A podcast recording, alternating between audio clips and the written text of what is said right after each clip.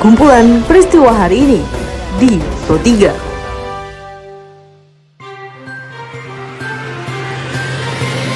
Halo pendengar, saat ini Anda sedang mendengarkan kumpulan peristiwa Pro 3. Pada podcast kali ini saya akan mengulas terkait isu-isu aktual yang saat ini masih hangat atau ramai diperbincangkan di sekitar kita. Tentu saja nanti akan saya hadirkan cuplikan informasi dari reporter kami. Bersama saya Krisma Rizky, saya hadirkan kumpulan peristiwa Pro 3 di ruang dengar podcast Anda. Pendengar, sebelum saya masuk ke dalam beberapa isu aktual yang akan saya hadirkan sesaat lagi, saya akan mengundang Anda untuk mampir ke laman berita kami di rri.co.id. Juga Anda bisa follow Instagram, Twitter, serta Facebook kami di @rri_programa3. Baiklah pendengar, inilah kumpulan peristiwa Pro 3. Sebagai upaya menekan penyebaran COVID-19 di Indonesia, sejumlah wilayah mulai menetapkan kebijakan karantina wilayah atau lockdown lokal. Seperti yang dilaporkan reporter Noviana Gebi, Gubernur DKI Jakarta Anies Baswedan mengatakan tahapan untuk lockdown wilayah Jakarta masih dalam pembahasan dan masih dalam kajian. Jadi pada fase ini kami memang pada anjuran untuk bekerja di rumah, berkegiatan di rumah. Itu saja.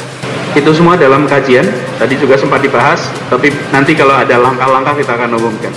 Beberapa daerah melakukan karantina wilayah. Apakah Jakarta punya? Jadi itu termasuk yang nanti kita sedang dibahas. Nanti kalau sudah final kita akan umumkan. Semua parameter ada, semuanya sedang dibahas. Tapi nanti finalnya, seperti anda tahu, kami biasanya kalau sudah final baru diumumkan.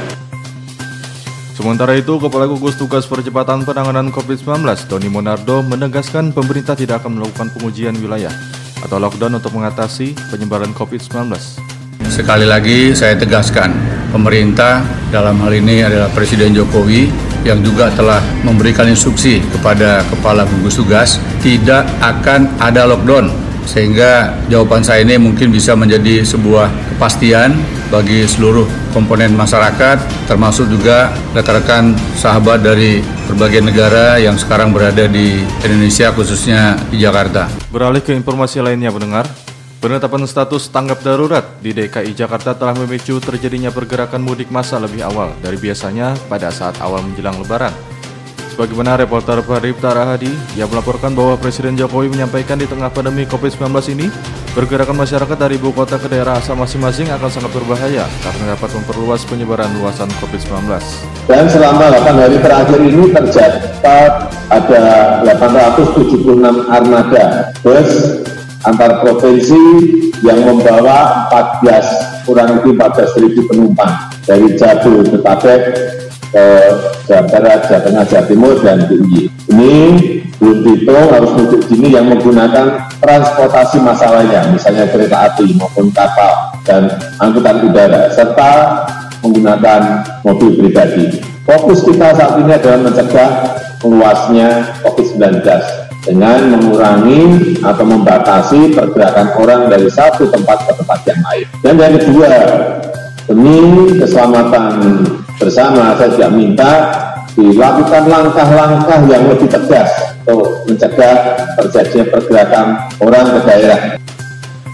Informasi selanjutnya pendengar, Berdasarkan laporan dari reporter Febrian Januar bahwa pemerintah Kabupaten Bone meminta kepada pemerintah Sulawesi Selatan untuk membantu pengadaan alat pelindung diri atau APD dari virus COVID-19, utamanya terhadap tim medis dan tim Satgas dalam upaya penanganan masyarakat yang dicurigai terpapar COVID-19.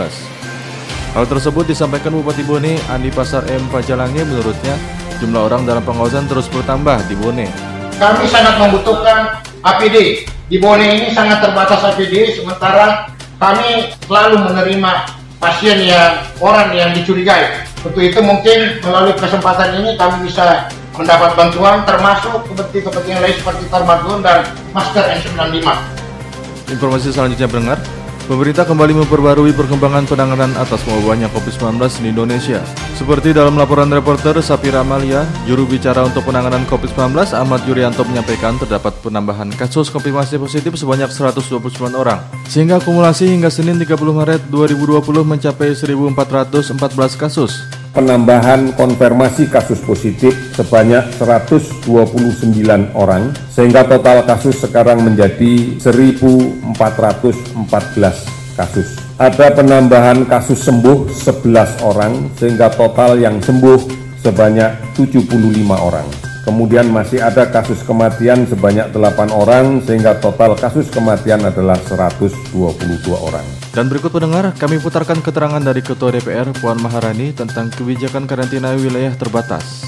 Dengan kebijakan pemerintah sesuai dengan undang-undang bencana akan dilakukan karantina wilayah, yaitu karantina wilayah terbatas artinya itu bukan lockdown secara keseluruhan.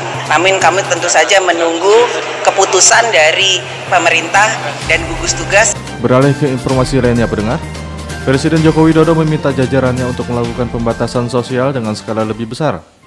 Selain itu, Presiden Jokowi juga menginstruksikan jajarannya untuk segera menyiapkan payung hukum dalam menjalankan pembatasan sosial skala besar ini sebagai panduan bagi pemerintah daerah. Kita minta kebijakan pembatasan sosial berskala besar, physical distancing dilakukan lebih tegas, lebih disiplin, dan lebih efektif lagi. Sehingga tadi sudah saya sampaikan bahwa perlu didampingi adanya kebijakan darurat sipil dalam menjalankan kebijakan pembatasan sosial berskala besar. Saya minta agar segera disiapkan aturan pelaksanaannya yang lebih jelas sebagai panduan-panduan untuk provinsi, kabupaten, dan kota sehingga mereka bisa kerja dan saya ingatkan kebijakan kekarantinaan kesehatan termasuk karantina wilayah adalah kewenangan pemerintah pusat, bukan kewenangan pemerintah daerah.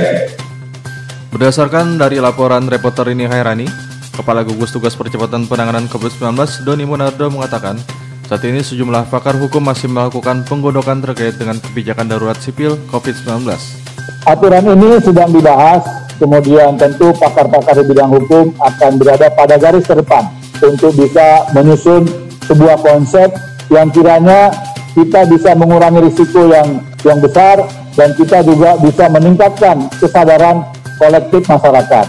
Penegakan hukum bukanlah hal yang terbaik, tetapi apabila harus dilakukan, tentu memenuhi beberapa faktor. Sekali lagi, dalam menghadapi hal ini, bagaimana kesadaran kolektif yang diperlukan sekarang adalah disiplin, disiplin, dan disiplin. Baiklah pendengar, informasi tadi sekaligus mengakhiri perjumpaan kita pada podcast edisi hari ini. Anda masih bisa mendengarkan podcast edisi hari ini dan hari lainnya di Spotify dengan hanya mengetik RRI Pro 3 di kolom pencarian. Tetaplah menjaga jarak dan tetaplah berada di rumah. Saya Karisma Rizky undur diri, sampai jumpa.